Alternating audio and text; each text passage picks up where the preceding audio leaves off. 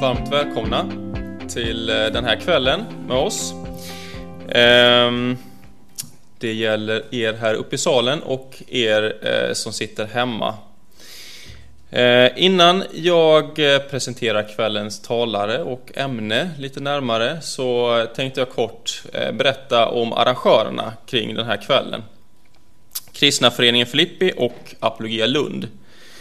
Eh, det är ju i Kristna föreningen Filippis lokaler som vi befinner oss i eh, och eh, många av er känner säkert till vad det är för en förening. Men det är i alla fall en kristen gemenskap som träffas och firar gudstjänst och tar emot undervisning och delar gemenskapen i tron på Jesus. Så här står det på vår hemsida. Eh, och det står att vi vill hålla Bibeln högt som källan till sann kunskap om Gud och vänskap med honom. Med utgångspunkt i Guds ord vill vi försöka visa på kristendomens trovärdighet och bärkraft för hela livet. Kristna föreningen Flippi har verksamhet för eh, många, för barn och eh, för äldre Eh, och nu under hösten så kommer det förhoppningsvis starta en alfagrupp. Är man intresserad av det så får man jättegärna prata med Christian som är här i salen, som är medarbetare på Filippi. Eh, det går också bra att besöka Filippis hemsida om man är intresserad.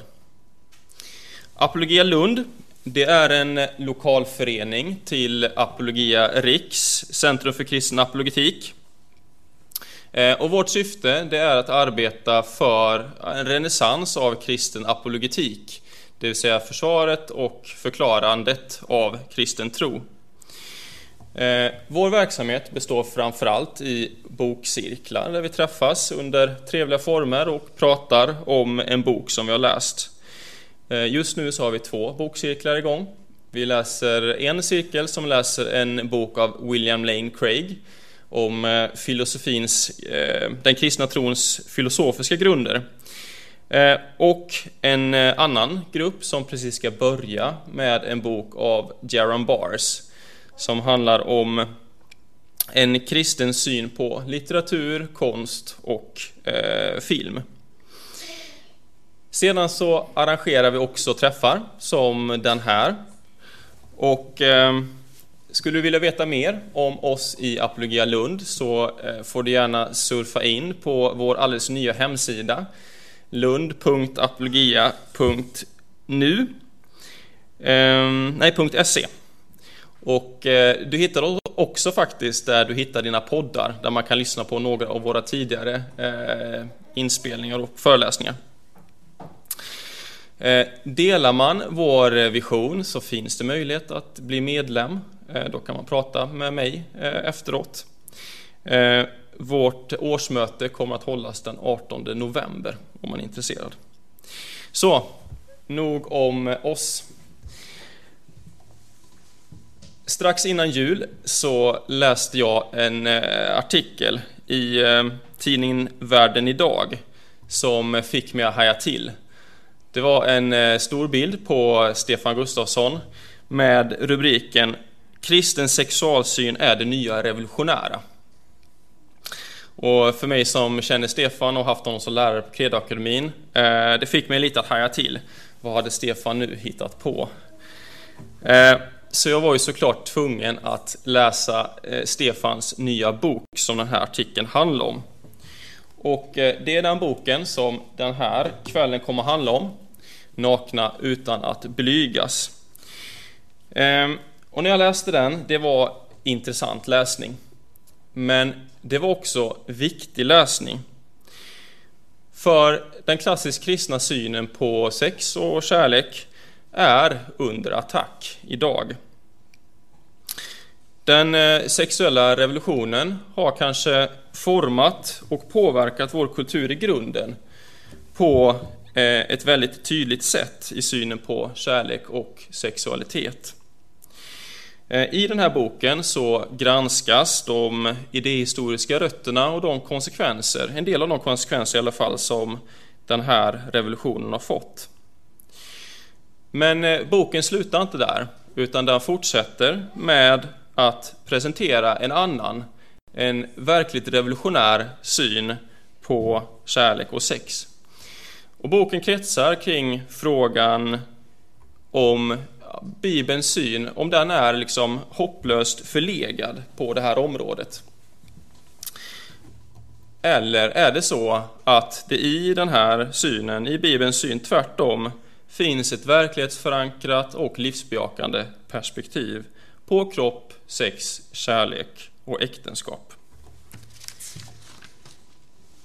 Vår förhoppning som arrangerar det här ikväll, det är att den här eh, föreläsningen den här kvällen, att vi ska börja eh, fundera kring de här frågorna tillsammans. Eh, och kanske göra oss nyfikna på att gräva vidare, eh, kanske genom att läsa Stefans bok. Som jag redan nämnt då så är det Stefan Gustafsson som kommer leda oss här under kvällen. För många tror jag inte han behöver en presentation. Han är numera direktor för Apologia, Centrum för kristen apologetik. Och eh, han har författat många böcker.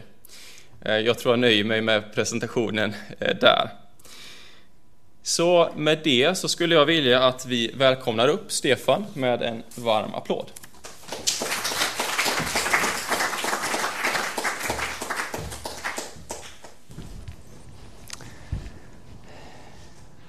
Tack så mycket. Roligt att få vara tillbaka i Lund. Förstås en stor utmaning att ha en kväll om sexualitet.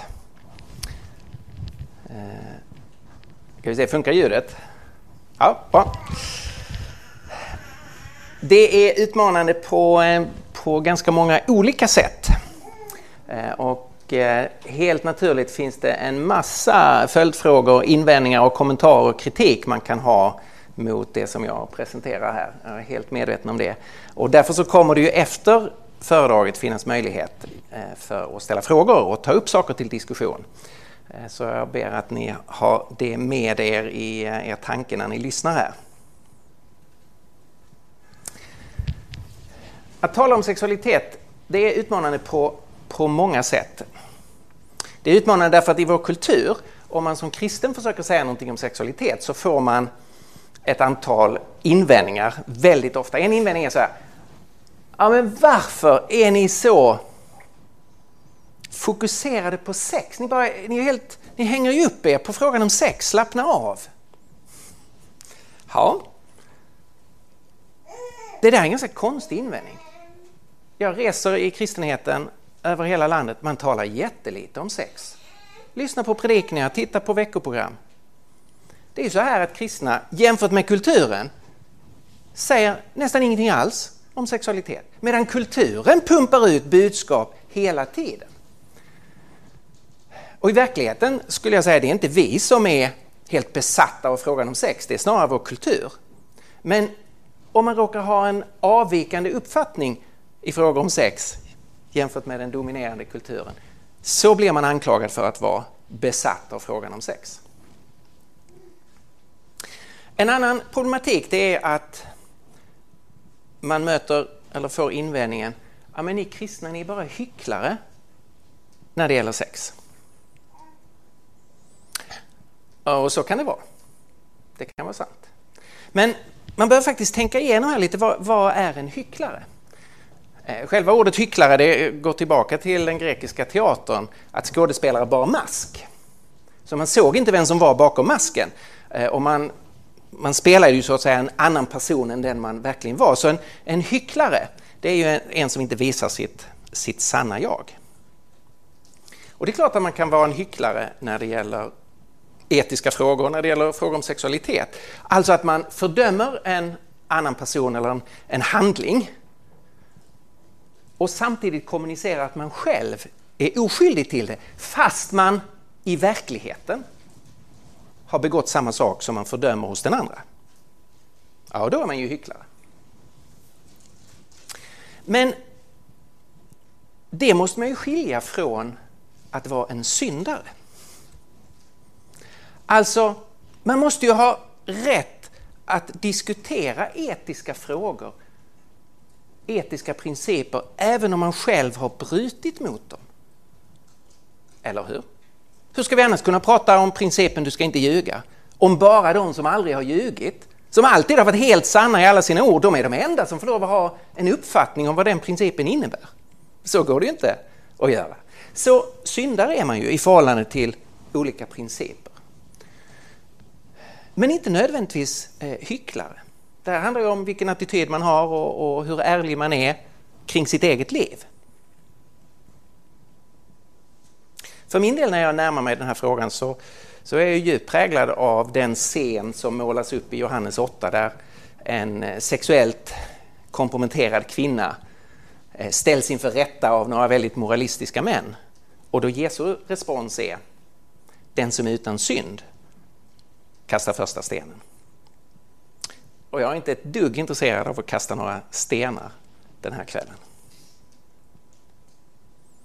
På ett lite djupare plan så är frågor om sexualitet de är svåra, utmanande att tala om därför att vi kommer som personer och individer till de här frågorna från väldigt olika håll. För en del av oss så är frågan om sexualitet är mestadels en fråga om, eh, som är glädjefylld, som är en positiv kraft, som ger goda associationer. Medan för andra så är det ett, ett problematiskt område, ett sårigt område. Och det kan förstås vara en mix Eh, av det. Man kan ha goda eller dåliga erfarenheter. Eh, människor kan ha gjort saker mot en som har eh, sårat en och skadat en. Och här kommer vi alla med olika sorters ryggsäck och vår personliga kamp kan se olika ut. Och det är klart att det är en, en, en jätteutmaning att då kunna tala om det här när vi har väldigt olika historia. Och det behöver man ju vara medveten om och ödmjuk inför. Men de här utmaningarna det betyder inte att man ska tystna. Eh, och det är också så här att det var länge sedan i vår kultur som det fanns så stor anledning att tala om sex som nu. Här har ni tre gubbar som är kända över rätt stora delar av världen. Harvey Weinstein i Kalifornien. Eh, kulturprofilen här i Sverige. Och en man som inte är så känd här i, i Sverige, en fransman. Eh, Gabriel Mantzef. Han var uppe i SVT igår. Därför att den mycket unga flicka som han förgrep sig på under täckmantel av en kärleksrelation. Hon har nu skrivit en bok eh, om det här som har väckt en enorm uppmärksamhet i eh, Frankrike. Och vi har ju hållit på att diskutera nu sen metoo hela frågan om vad gör vi egentligen med sexualitet? Vad gör vi mot varandra? Hur funkar det som vi har kommit fram till att, att den här frågan löser vi bara individuellt? Det behövs inga principer, behövs inget tänkande utan det avgör man i stunden utifrån någon sorts vag känsla av samtycke. Och det har ju visat sig att det funkar inte alls. Idén för att tag sedan så hade man den här rubriken Var går gränsen för normal sexualitet? Ja, så det diskuterar man nu i sekulär press. Går det verkligen att göra sig av med frågan om normal sexualitet, frågan om gränser? Eller är det så att vi behöver ta upp den diskussionen igen? Vad är sunt och vad är osunt? Vad är människovänligt och vad är destruktivt? Igår i Svenska Dagbladet så var det en artikel av John Sjögren som var en respons på den debatt om pornografi som pågår på många håll idag. Där han skrev om det vore katastrofalt om jag levde ut varenda drift jag bär på. Och diskutera den här frågan om vi är sexuella varelser med känslor och drifter och begär och längtan och kärlek i en väldigt komplicerad inre röra. Hur ska vi förhålla oss och tänka kring det här? Så. Det finns verkligen anledning att reflektera över vad är det var människa, vad är det att vara en kroppslig varelse, vad är det att vara en sexuell varelse, vad är det att vara en relationell varelse, hur, hur ska vi få ihop det här? För att hjälpa oss att tänka kring det så ska jag tala om i huvudsak två saker. För det första, den sexuella revolutionen. Vad är den och vad har den gjort med oss? Och sen ska jag tala om den kristna revolutionära synen på sex. Men låt oss börja med att försöka tänka kring det vi befinner oss i, den sexuella revolutionen. Vad är det och vad har den gjort med oss?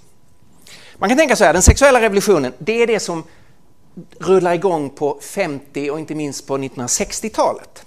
Där Sverige tar ledningen, där den svenska synden blir ett begrepp ut över hela världen, inte minst genom, eh, genom filmer som är mer vågade än vad filmer för övrigt var på den tiden. Där den första kvinnliga bröstvårtan visades i en icke-pornografisk film och så. Filmer som Hon dansade en sommar eller Sommaren med Monica som öppet visade eh, ett friare förhållande till sexuella relationer än tidigare.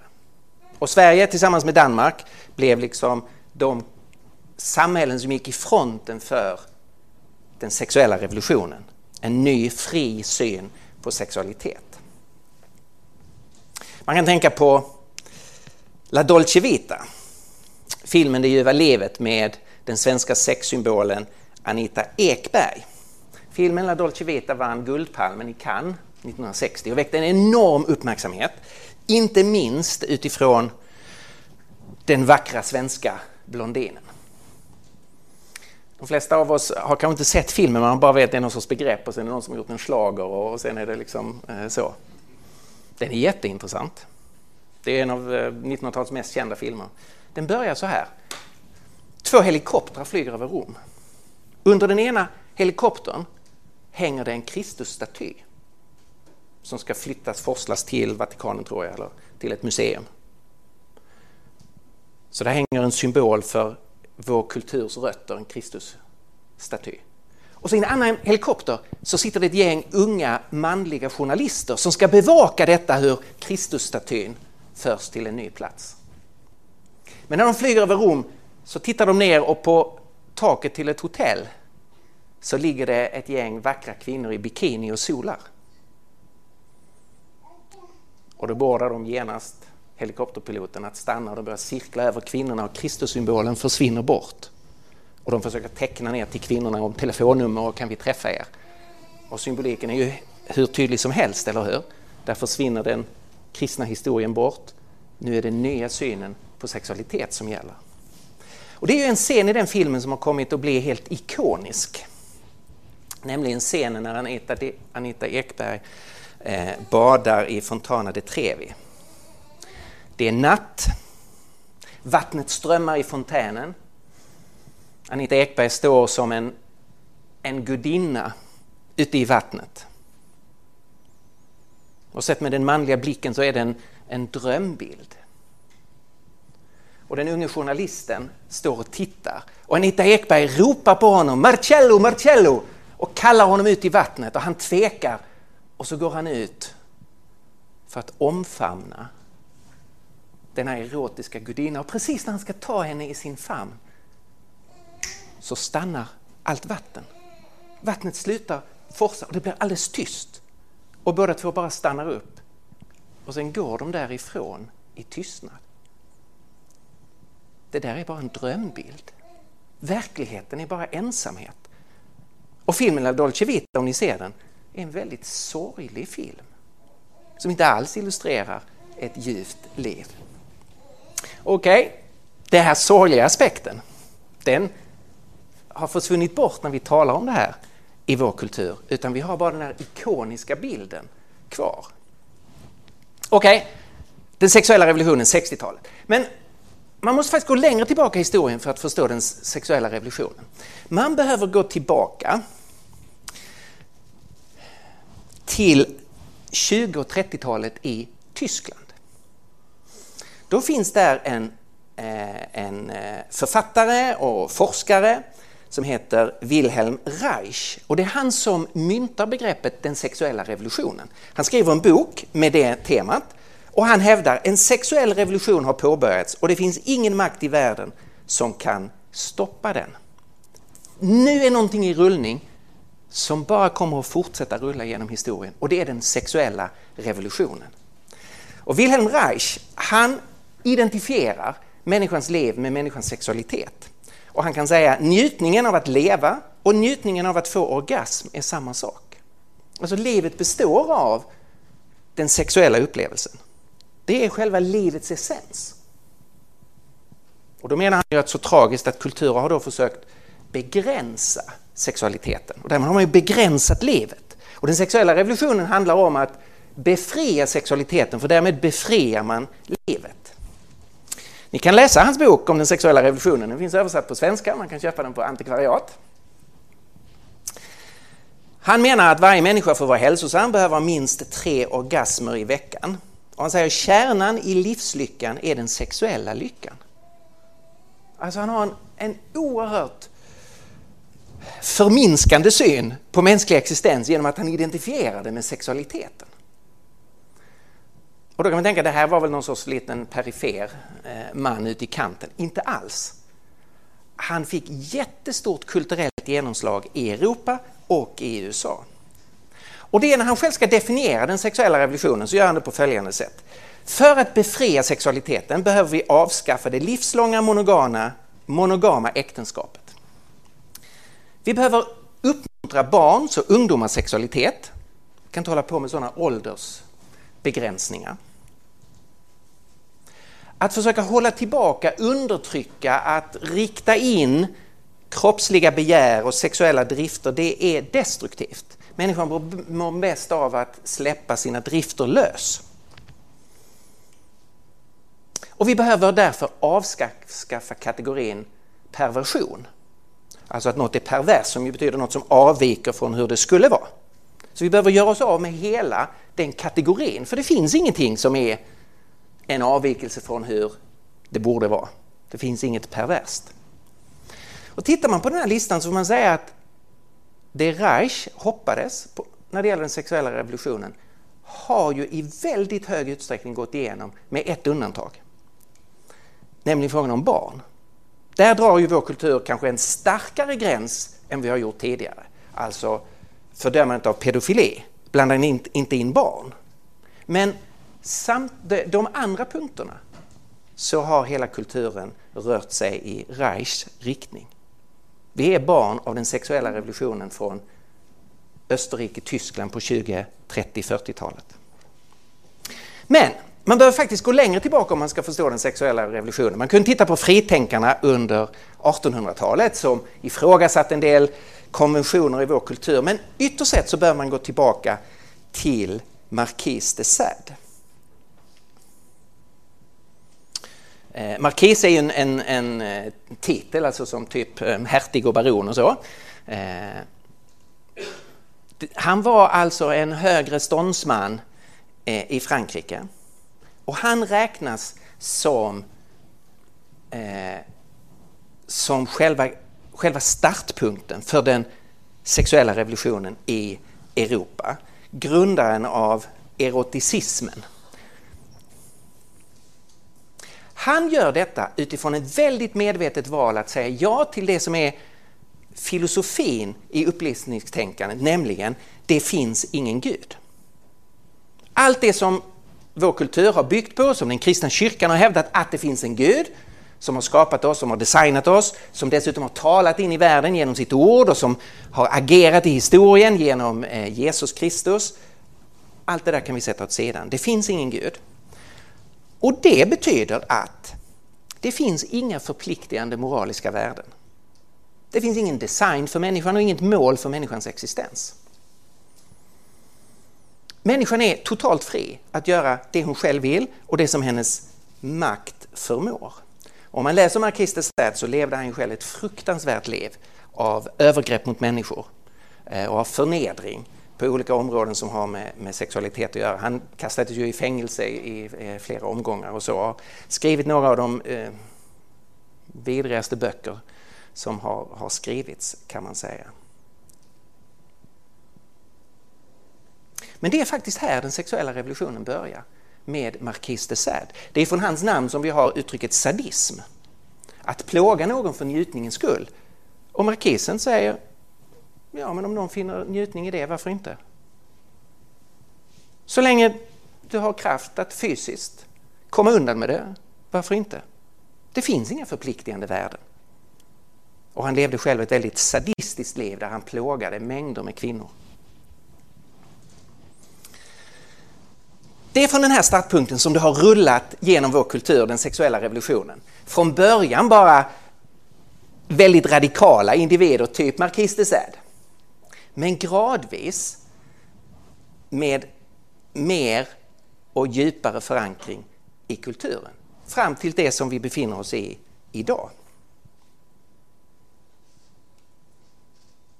Konkret betyder ju det här att resultatet av den sexuella revolutionen det är att man skiljer sex från äktenskap. Självklart kan du ha sex om du är gift, det är förstås.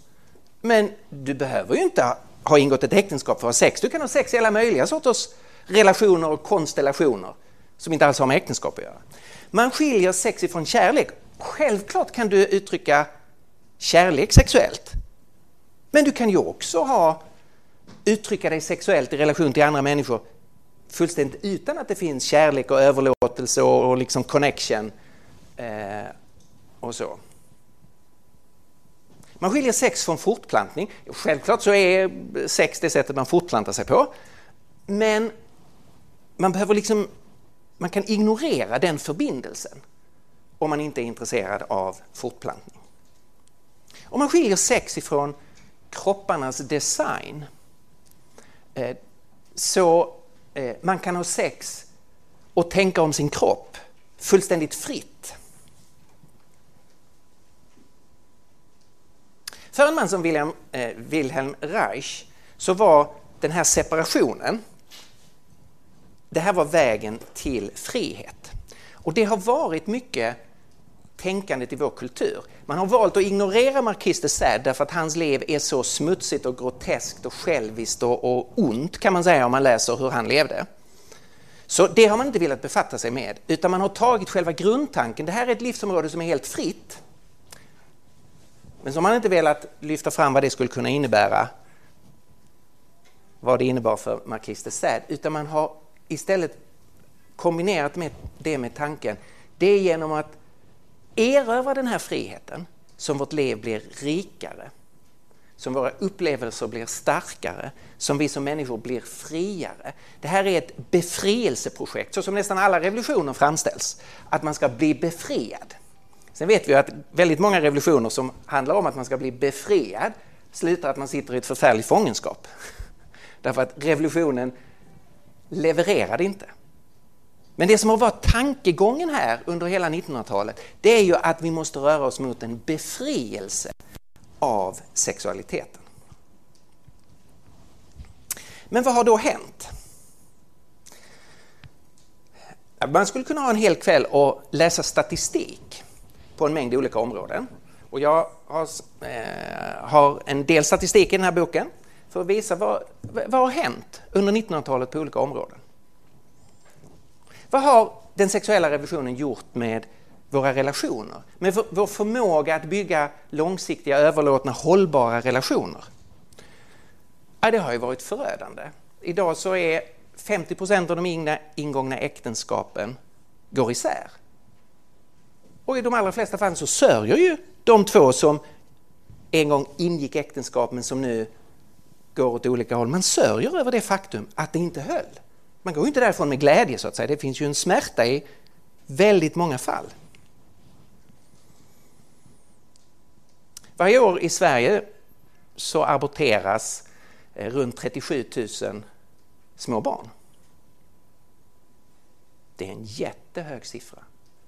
Om ni tänker på de gravida kvinnorna, om ni tänker på de män som finns lite olika nära den kvinnan och förstås om man tänker på det Eh, det lilla barnet. Det finns en enorm sorg och smärta bakom en siffra som 37 000 aborter varje år, varje år, varje år. Och det är klart, aborter är en följd av hur vi lever sexuellt. Att man eh, inte fullt ut räknar med kopplingen mellan sexualitet och fortplantning. Vi kan tänka på eh, eh sexuellt överförbara eh, eh, sjukdomar. Där det har varit en väldigt stor ökning. Eh, det gäller, gäller klamydia, det gäller en, en del former av gonorré där det nu börjar bli svårt med penicillin och svårt att bli, att bli botad. Om man läser den statistiken då finns det jättemycket sorg bakom de siffrorna. Klamydia är ju långt ifrån den enda men en av orsakerna till att, eh, att kvinnor kan ha svårt att få barn.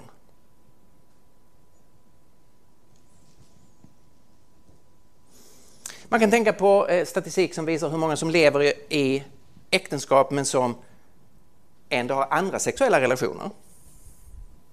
Vi tänker på svek. Vi kan tänka på det som vi har, det har varit eh, i, i media här om eh, prostitution och sexköp. Kan tänka på statistiken kring övergrepp. Och I samband med metoo så blev det ju helt överväldigande hur många kvinnor som har uppfattat sig bli tvingade eller hamnat i situationer där man av olika anledningar har känt sig pressad och inte, inte haft frihet och efteråt har, har känt sig utnyttjade. Vi kan tänka på pornografi som i, i media just nu diskuteras väldigt mycket utifrån larmrapporter från barnmorskor om hur unga flickor eh, Eh, far illa av sexuella praktiker som män har lärt sig via eh, pornografin. Man kan tänka kring psykisk ohälsa. I ett av världens mest välmående länder så är det ju ett återkommande mysterium. Varför mår unga människor så dåligt i Sverige? Inte minst varför mår så många unga tjejer i världens, ett av världens mest feministiska och jämställda länder. Varför mår så många tjejer dåligt? Det finns massor med orsaker till det tror jag. Man ska inte bara ringa in en.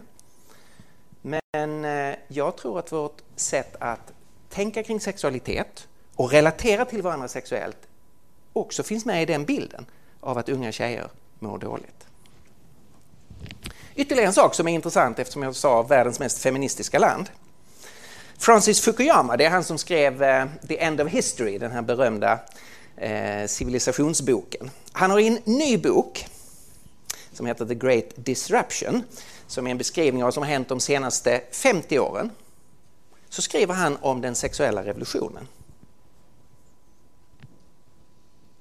Och han säger att ett av de största bedrägerierna under de senaste 50 åren det är tanken att den sexuella revolutionen var könsneutral och skulle betjäna eh, eh, skulle vara till fördel för, för kvinnor och män på ett likvärdigt sätt.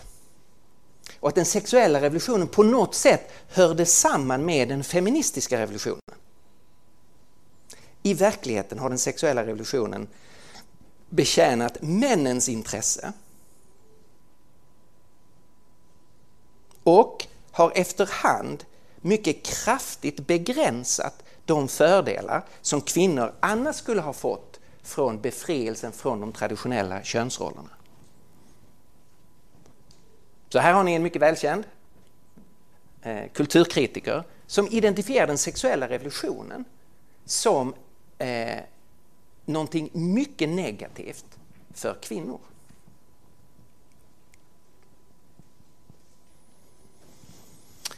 Okej, okay, det här var eh, mitt sätt att försöka sätta ord kring eh, någonting ganska stort och komplext Eh, och försöka sammanfatta vad, vad är det som har hänt? Varför befinner vi oss där vi befinner oss? Och vi kan gärna komma tillbaka i samtal och diskussion kring den sexuella revolutionen, vad den är och vad den har gjort med oss. Men låt mig då få gå vidare till min nästa huvudpunkt nämligen frågan om alternativ. Därför att min slutsats är när jag har läst om den sexuella revolutionen, när jag försökt analysera det jag själv har varit med om under mina år som människa på jorden från 1960 och framåt, där man har försökt förstå den kultur man är en del av och hantera det liv som man har fått, så är min uppfattning att det är verkligen hög tid för en ny syn på sexualitet. Den sexuella revolutionen har inte levererat det den utlovade, nämligen att det mänskliga livet skulle blomstra, att sexualiteten skulle befrias, att saker och ting skulle bli väldigt mycket bättre. Utan det är alldeles uppenbart att, att vi på många områden, inte på alla förstås, har det funnits fördelar med den sexuella revolutionen, alltså att vi kan tala mycket friare om sex och vi har eh, mindre skambeläggning av saker som inte behöver skambeläggas och så vidare. Så det är självklart så att det inte är eh, eh, att det inte är fullständigt svart och vitt på varenda punkt. Men den övergripande bilden är att den sexuella revolutionen har inte levererat och att vi faktiskt skadar oss själva och varandra om vi fortsätter i den riktningen som eh, Marquis de Sade och Wilhelm Reich och den svenska kulturen sedan 50-60-talet har liksom pushat oss. Vi behöver titta på alternativ. Vad är andra sätt att förhålla sig till sexualitet? Och då erbjuder förstås den kristna tron, eh, de bibliska texterna, ett eh, revolutionärt, ett provocerande och väldigt intressant annat sätt att tänka. När man ska närma sig det så, är det, så gör man det, eh, om man har funnits i en kristen kontext kanske, lätt utifrån att tänka ett visst antal förbud. Man tänker direkt, okej, okay, låt höra nu, var, var sätts gränserna upp? Jag tror det är helt fel startpunkt. Jag gillar den här, eh, den här kommentaren av George Weigel som är en eh, amerikansk filosof och teolog. Som säger, för den, för den kristne så måste den första moraliska frågan förändras från vad är jag förbjuden att göra till hur ska jag leva ett liv av sexuell kärlek så att det är samstämmigt med min värdighet som mänsklig person. Alltså själva startpunkten är inte vad är jag förbjuden att göra utan måste vara en reflektion av vad är det att vara människa? Och vad är förenligt med det som jag är skapad till som människa och som är i samklang med den mänskliga värdigheten för mig och för den som jag ingår en relation till.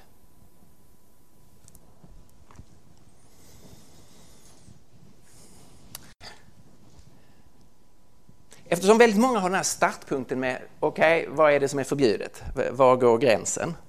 Så är det väsentligt att se att eh, det självklart finns eh, gränsdragningar i de bibliska texterna. Så måste det vara så fort man börjar fundera kring rätt och fel, gott och ont, vad är någonting avsett för? Så måste man ju också kunna identifiera vad någonting inte är avsett för. Men det dominerande perspektivet, det som är liksom den drivande perspektivet i Bibeln, det är ju en bejakelse av det här området. Intressant nog finns det en hel bok i Gamla Testamentet, Höga Visan, som är en lovsång till kärlek och passion och sensualism och en ung mans och en ung kvinnas längtan till varandra.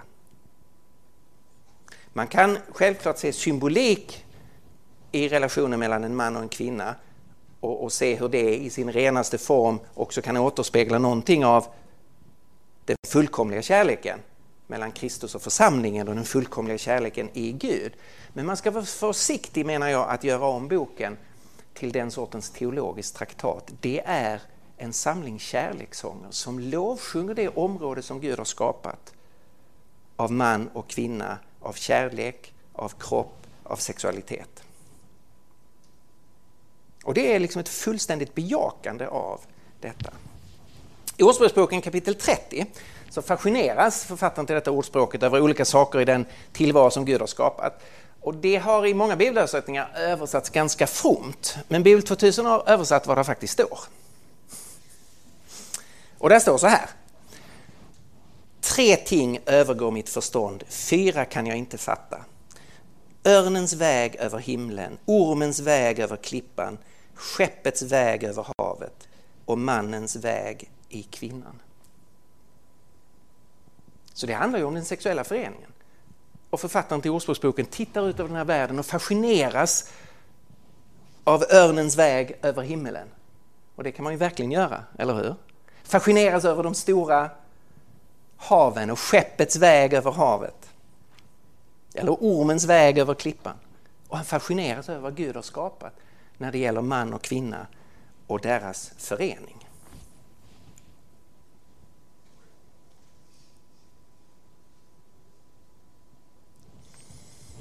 I första Korintierbrevet, som är skrivet av Paulus så eh, har Paulus vägledning till eh, olika grupper, den som, är, eh, den som är gift och den som är singel och, och hur, man, hur man ska tänka i olika livssituationer. Och då skriver han till de som är gifta. Mannen ska ge hustrun vad han är skyldig henne och på samma sätt hustrun sin man. Hustrun bestämmer inte själv över sin kropp, det gör mannen. Likaså bestämmer inte mannen över sin kropp, det gör hustrun. Håller inte ifrån varandra annat för, än för en tid, om ni har enats om det för att ostört kunna ägna er åt bön och sedan vara tillsammans igen. Här är två saker man ska eh, notera. Eh, att det finns ett fullständigt unikt perspektiv här jämfört med alla andra texter från antiken. Nämligen att det också på det sexuella området är jämlikhet mellan mannen och kvinnan. Du kan läsa vilka romerska eller grekiska författare som helst så är det ju så självklart så att det är mannen som har rättigheter sexuellt i relation till kvinnan. Men här talas på ett likvärdigt sätt om mannens och kvinnans överlåtelse till varandra och så att säga rättigheter. Och sen ska man ju notera att Paulus säger att eh, man självklart kan dra sig undan för, från varandra och inte komma samman sexuellt för, i väldigt speciella situationer. Han nämner dra sig undan för bön. Men han har ingen överandlig tolkning att det vore bättre att inte ha sex. Utan han säger ju tvärtom, att sen måste man komma samman igen. Så här finns ingenting av en sån här hierarki, att sex tillhör på något sätt det lägre, det vore mycket bättre om man eh, på något sätt eh, lämnade det. Utan här finns en helhjärtad bejakelse. Det här som finns i Höga Visan och Ordspråksboken som finns här hos Paulus i Första Korintierbrevet 7, det går ju tillbaka till skapelseberättelsen. Det är ju där det har sin förankring, att det är Gud som har skapat oss. Och det är det som Jesus lyfter fram när han får frågor om äktenskap och skilsmässa och hur man ska tänka.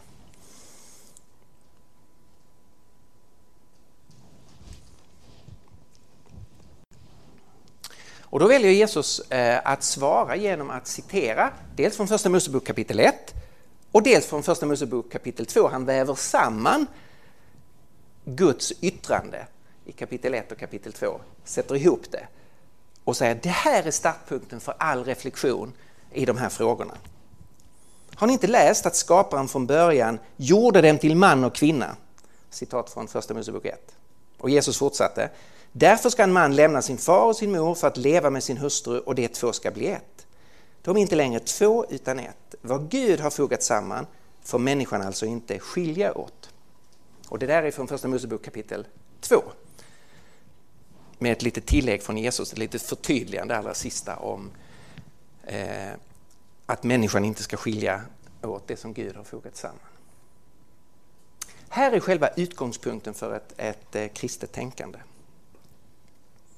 Man kan säga att det man finner i det här perspektivet från första Moseboks början, det är att Gud har skapat mannen och kvinnan och så har han en tanke för eh, relationen mellan man Eh, och kvinna. Och han har gett oss en institution som vi kallar för äktenskapet. Och det man finner här är i grunden en definition av äktenskapet. Man kan säga så här. Enligt första Mosebok så är Guds tanke att man och kvinna ska leva i äktenskapet. Och äktenskapet är för det första en monogam relation. Därför ska en man överge sin far och sin mor och hålla sig till sin hustru. Att det på många ställen senare i Bibeln finns polygama förhållanden eh, förändrar inte detta att det är det monogama äktenskapet som är Guds tanke. Och de polygama äktenskapen senare i Gamla Testamentet, det är bara ett uttryck för hur människan avviker från vad Gud har tänkt. Så äktenskapet är en monogam relation, en man och en kvinna. Det är en heterosexuell relation, därför ska en man överge sin far och sin mor och hålla sig till sin kvinna. Och det här väcker förstås hur mycket frågor och invändningar som helst i vår tid. Och vi kan komma tillbaka till det eh, vid, eh, vid frågestunden om ni vill. Jag har inte, eh, så fort man börjar dra i den frågan så svämmar det, ut, svämmar det över och tar över hela kvällen. Men jag vill bara säga, jag är förstås fullt medveten hur provocerande det är att säga att äktenskapet är en heterosexuell relation. Men jag kan bara konstatera att det är så Bibeln börjar och det är så det förutsätts rakt igenom de bibliska texterna. Äktenskapet är monogamt, det är heterosexuellt.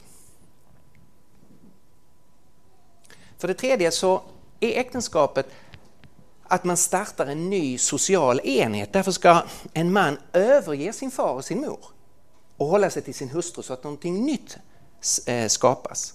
Vi tror jag lätt missar dynamiken här. För, för oss är det ju ingen stor grej att flytta hemifrån. Man är student och lämnar far och mor och flyttar in i ett studentrum. I antiken funkar det inte så. Du ska hedra din fader och din moder. Därför är detta något väldigt radikalt när det sägs du ska överge, du ska bryta upp. Därför att ni ska skapa en ny social enhet. Och det innebär att äktenskapet är inte bara en privat eh, sak, en intern sak, utan den har samhälleliga, sociala eh, aspekter.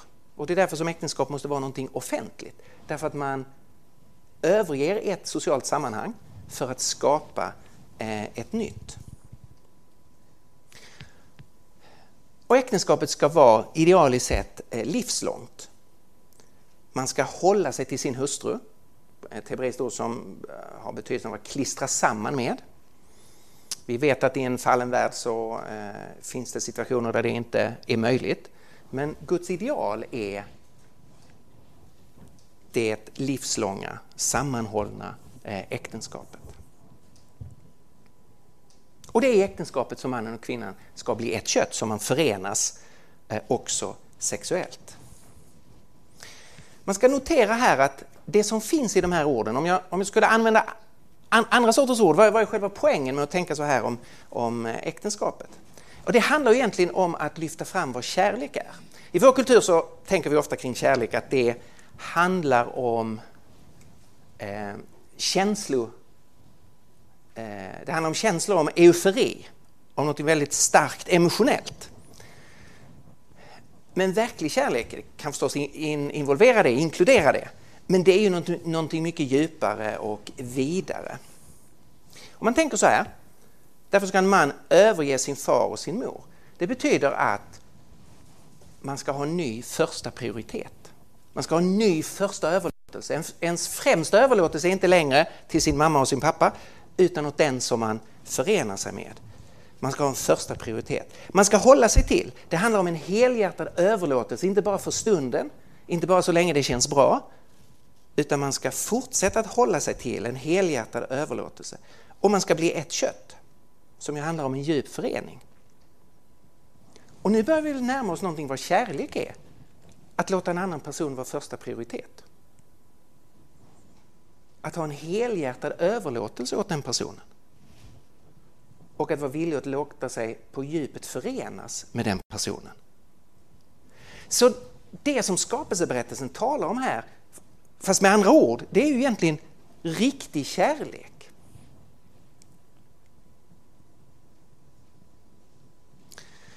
Man ska också notera att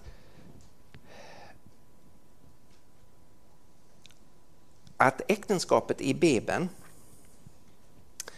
betraktas som ett förbund. Och det finns flera ställen i Gamla Testamentet där det uttryckligen används just förbundsterminologi. Att när man ingår äktenskap så är det inte så att man skriver ett kontrakt.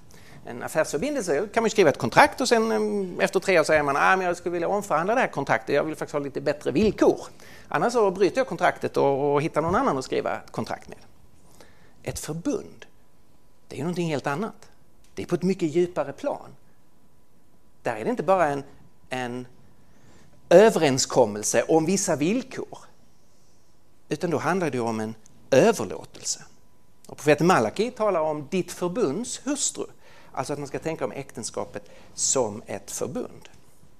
Med den här utgångspunkten så säger då kristen tro, de bibliska texterna, de har det för vår tid främmande tänkesättet att sexualiteten ska uttryckas enbart i den relationen, i den överlåtna förbundsrelationen. Och det är utifrån det som sen olika förbudstexter, alltså du ska inte begå otukt, du ska inte besöka prostituerade, du ska inte... De utgår från det att det här är Guds eh, tanke.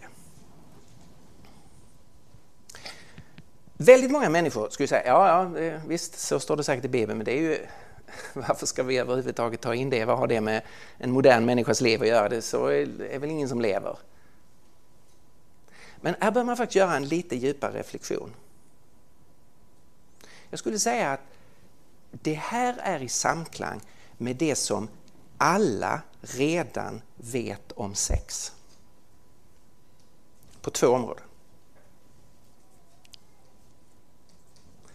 För det första, vi vet också i världens mest sekulariserade land, djupt präglad av den sexuella revolutionen, så vet vi på några områden att sex är en unik kroppslig handling som inte går att jämföra med andra kroppsliga handlingar. Och det vet vi om vi jämför misshandel och våldtäkt.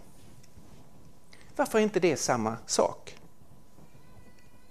Att få en örfil eller en knytnäve i magen, varför är det inte samma sak som våldtäkt?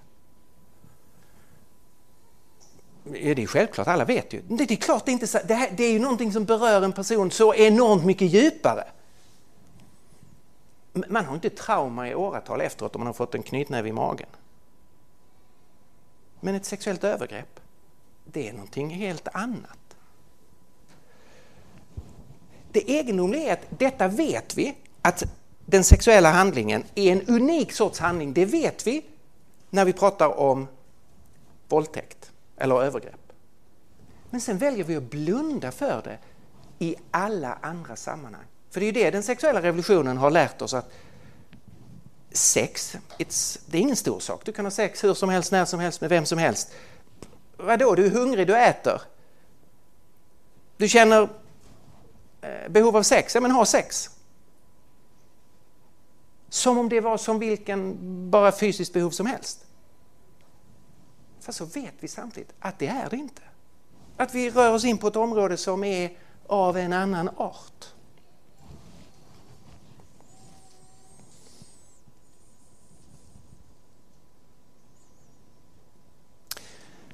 För det andra så vet vi att sexualiteten har en unik funktion i en verklig kärleksrelation. Alltså också i ett land som är präglat av den sexuella revolutionen. När man till slut har träffat den man vill dela sitt liv med. Så helt märkligt tar plötsligt sexualiteten, får den en helt ny funktion. Nu plötsligt blir den ett tecken på den unika överlåtelse just vi två har. Och otrohet är då i de allra flesta sammanhang ett enormt hot mot hela relationen. Det sätter ju allting på spel. Om man använder det som är vårt förbundstecken på att just vi hör ihop. Om du använder det på ett annat sätt, då sätter du allt det här i fråga. Ja, men det här är ju jättekonstigt. Att man först säger sexualitet, det betyder ingenting, du kan ha sex med många människor hur som helst, sex är ingen stor grej. Och sen plötsligt så ska sex bli ett djupt förbundstecken. Här är vår kultur alldeles inkonsekvent i hur man tänker. Precis som på den första punkten när man tänker på en massa områden, men sex är bara en, liksom, ingen stor, det är bara en vanlig kroppslig handling som att eh, skaka hand med någon eller få en eh, massage och det är bara liksom en eh, ovanligt intressant kroppslig handling. Och så plötsligt så är alla överens om att det här är en alldeles speciell sorts handling. Och så reder vi inte ut vad är det som gäller.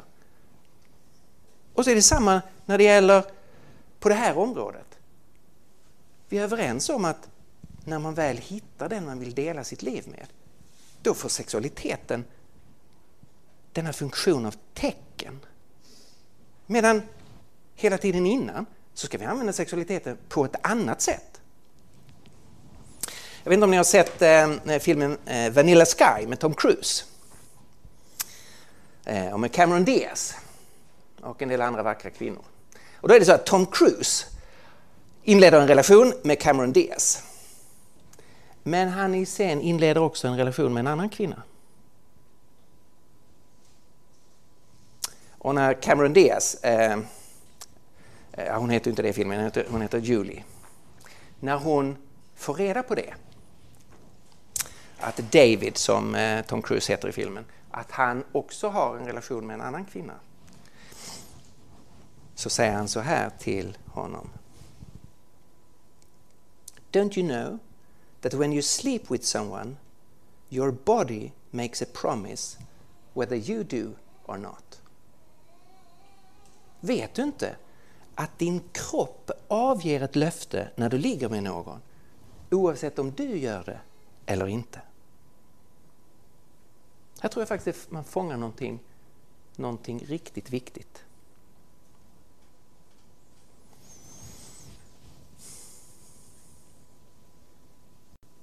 Så jag skulle säga att den bibliska synen som säger sexualiteten hör hemma inom äktenskapet faktiskt blir begriplig om man försöker få ha ett sammanhängande uppfattning om, eh, om sexualiteten.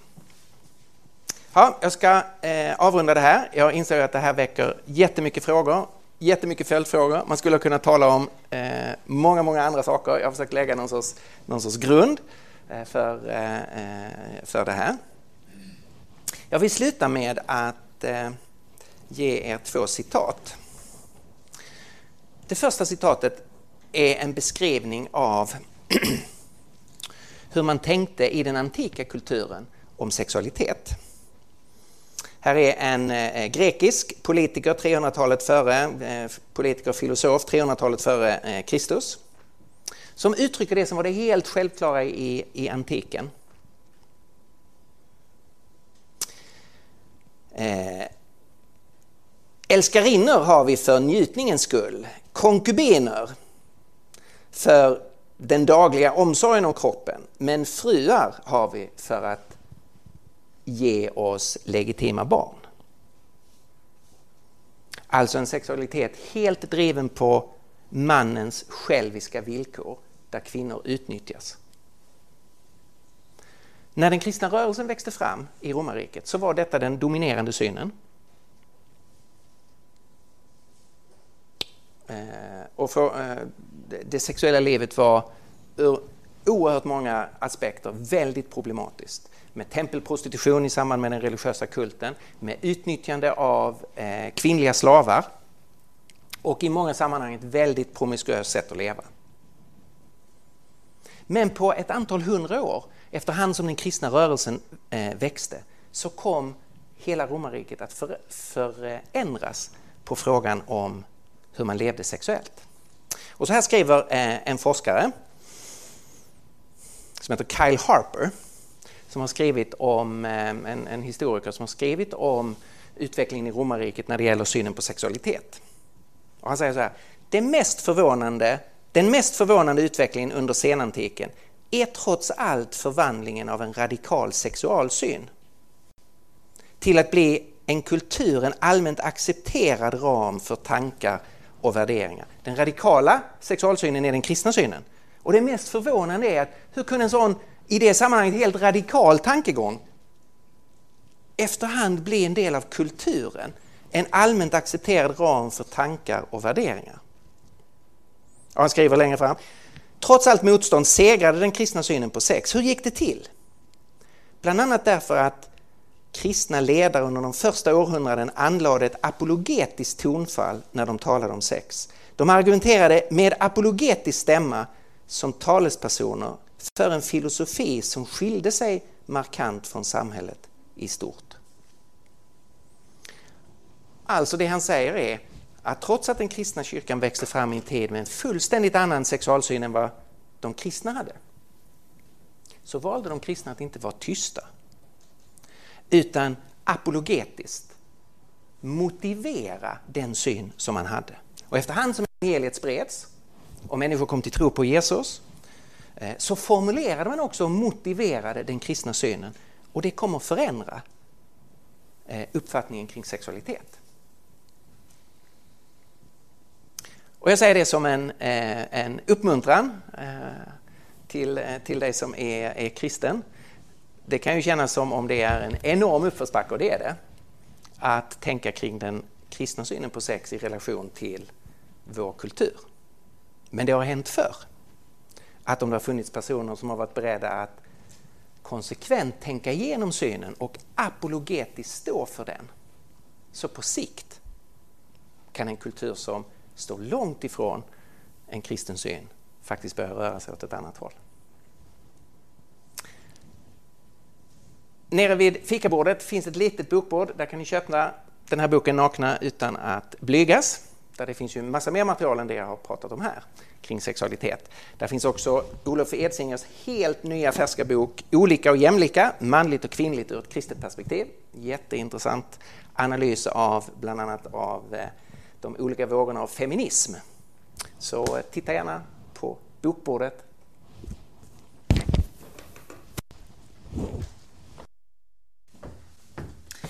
Tack så jättemycket Stefan. Ehm, som du sa så tror jag det här väckte många frågor och vi ska lämna mycket utrymme för det. Ehm, men vi ska faktiskt först göra så att eh, vi ska ta en lite kort eh, kaffe och fikapaus. Ehm, och så ska vi återkomma därefter till frågor. Ehm, så, eh, och nu är det ju eh, coronatider. Ja, först förresten så ska jag säga det här, eh, och det gäller framförallt till er som är hemma. Att eh, det finns möjlighet att till frågestunden sen skicka in eh, frågor på sms. Och eh, numret kommer komma upp på skärmen på något sätt. Eh, så de frågor som du har kan du skicka till det numret. Och det gäller även för er här i salen om ni inte eh, själva vill ställa frågan. Eh, men fikat då. Nu är det ju coronatider och då får vi göra lite speciellt. Så att vi kommer göra så att vi får ta fikat i bänkarna. Ehm, och under tiden man sitter och fikar får man gärna prata med grannen om de saker som varit här under föreläsningen. Eh, och ja, fundera på vilka frågor man skulle vilja ställa till Stefan.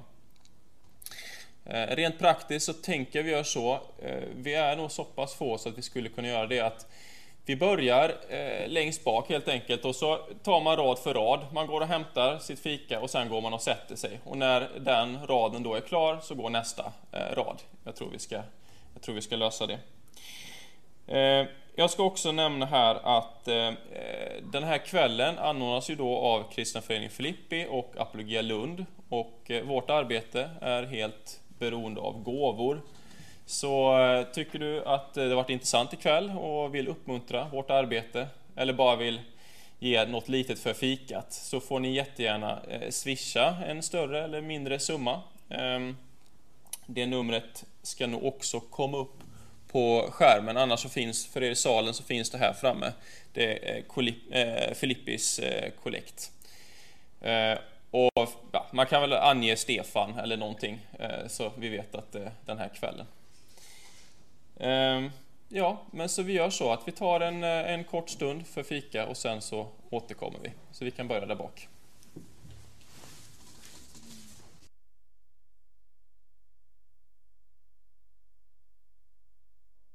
Ljud i micken. Jajamän, det har vi. Gött. Eh, då kan vi... Eh, ni som är olydiga där bakom, sitter på era platser, eh, kan börja be er tillbaka så ska vi se om vi kan dra igång den här intressanta frågestunden. Eh, jag är säker på att det har kommit mycket frågor eh, efter det här, eh, den här föreläsningen på ett ganska radikalt ämne. Eh, så vi gör så att jag kommer gå runt med den här mikrofonen. Eh, man får gärna ställa en fråga genom den. Annars har vi numret där uppe om man vill skicka in en anonym fråga eller om man helt enkelt inte är i det här rummet men ändå hänger med på föreläsningen. Så jag tänker att vi helt enkelt öppnar med att fråga om det är någon som har en fråga.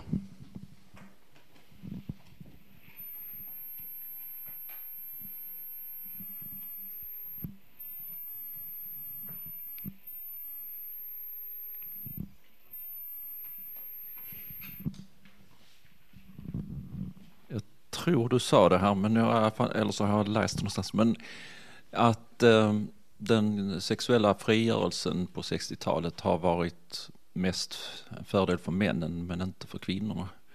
Eh, vad är exempel på det? Eh, ja, just det. Vad, vad är exemplen på det? Det, det, är, det är flera olika, eh, flera olika exempel. Ehm, eh, det exemplet som har varit synligt hela tiden det är ju, eh, det är ju kopplingen mellan sexualitet och fortplantning. Eh, alltså om en sexuell eh, relation resulterar i en oönskad graviditet, vem får ta smällen? Det är ju då kvinnan i mycket högre grad. Och män har ju då genom den sexuella revolutionen fått någon sorts frikort här. Eh, och man tar i mindre grad ansvar för konsekvensen av sina sexuella handlingar. Det som sen har blivit alldeles övertydligt de senaste åren det är ju att detta med samtycke inte fungerar. Eh, alltså man har haft en, en naiv föreställning. Men här har vi två, två vuxna självständiga individer. De eh, kan ju i demokratiskt och fin ordning göra upp hur ska, hur ska det här se ut sexuellt mellan oss. Och så har man bortsett från en mängd komplicerande eh, faktorer som har att göra med, eh, med makt och status och ålder och inflytande eh, som också har att göra med fysisk styrka och en mängd olika faktorer som ju, det har ju blivit alldeles uppenbart att det här med samtycke fungerar inte. Utan vi, vi har ju sett att kvinnor alla sektorer av, av samhället har trätt fram och, och, och sagt vi, vi har blivit illa behandlade och vi har försatts i situationer där vi inte har upplevt en full frihet. Eh, därför att det sexuella spelet mellan män och kvinnor är inte så att okej, okay, nu sätter vi oss ner och har en förhandling här så att vi kommer fram till eh, ett perfekt samtycke. Det är liksom en helt naiv syn. Eh, och det kommer då i i väldigt många fall att bli en sexualitet mer på mannens villkor än på kvinnans. Eh, så det, det, skulle vara de två, eh, jag skulle säga de två, eh, de två huvudsakliga områdena där det, är, där det är synligt. Där det är, har alltså varit ett fullständigt felslut från den feministiska rörelsen som har haft en, en alldeles legitim agenda att arbeta för jämställdhet och, och, lika villkor för män och kvinnor. Att gifta samman den eller liksom eh, gå parallellt med den sexuella revolutionen eh, i, i hopp om att det också skulle bli en frigörelse för kvinnor. Eh, och det har det, eh, det har det inte blivit. Man skulle kunna säga att på några områden finns idag en större, en större bejakelse av kvinnlig sexualitet och, och, och, så som var lagd mer i skugga längre tillbaka. Så det är klart att det, funnits, eh, det, det finns enskilda aspekter där man kan säga att ja, det, det är ju eh, förstås sunt att man har samma sorts bejakelse av kvinnlig sexualitet som man har av manlig sexualitet. Men övergripande så har den sexuella revolutionen varit en förlust för kvinnor. Och det var det som Fukuyama Eh, det citatet jag hade av, av honom, han konstaterade de senaste 50 åren, så har den sexuella revolutionen motverkat den feministiska tanken om, eh, om, om eh, likhet mellan män och kvinnor. Eller jämställdhet mellan män och kvinnor här.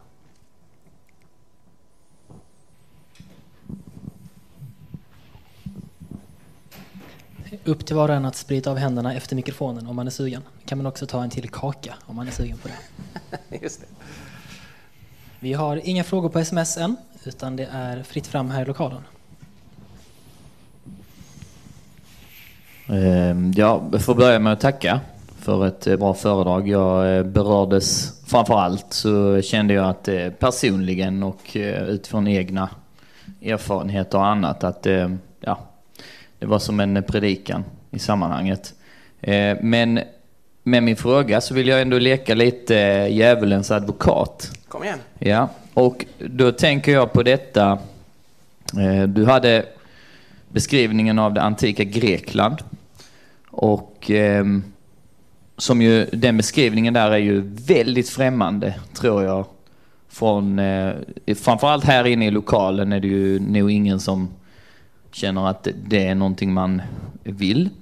Ehm, jag tror, jag kan inte svära på det, men jag tror att de flesta av mina manliga vänner som inte är bekännande kristna också tycker att den beskrivningen där är väldigt magstark. Eh, och man kan ta kanske exempel, jag tänker under den lutherska ortodoxin i Sverige med väldigt starka Eh, Eh, regler och, och, så kring detta så fanns det ändå en acceptans, tror jag, för till exempel prostituerade under fält, alltså ute i fält och sådär.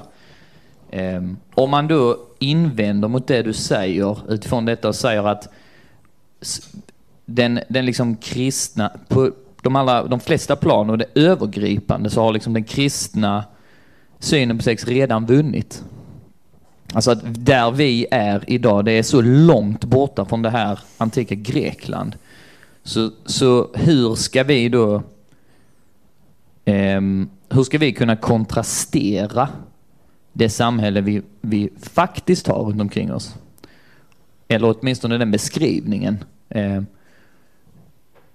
om man då jämför bakåt mot det antika Grekland där ju kontrasterna är enorma från hur vi tänker, i alla fall hur vi tänker nu som kristna. Mm. och det, jag säger inte detta därför att jag själv men nödvändigtvis delar den bilden, men, men jag tänker ändå, vad, vad, vad säger du om det? Hur skulle du svara på en, en sån invändning, en sån kritik? Det var bra, tack. Låt mig först eh, säga det som du var inne på, på lite kort om tillämpningen av den kristna synen. Eh, du, du, nämnde lutherska ortodoxin, alltså om man tar 16, 17, 1800-talet innan den sexuella revolutionen får ordentligt genomslag. Så är det ju inte så att vår kultur på något alls konsekvent sätt har tillämpat den kristna synen. Den har funnits som ett, ett generellt paradigm som man har accepterat. Men sen har man gjort en mängd undantag på ett, Eh, och det har varit typiskt eh, undantag för, eh, för män och undantag för mäktiga. Så vi kan se att prostitution var oerhört accepterat. Om man undersöker eh, Stockholms historia på 1800-talet så har det varit eh, och på 1700-talet under Bellmans tid och, och, och, så, det var jättemycket bordeller. Och det var inte eh, så stor grej för män när det gäller skambelagt så att säga att besöka prostituerade. Vilket ju är en fullständig brott mot den kristna synen. Så eh, eh,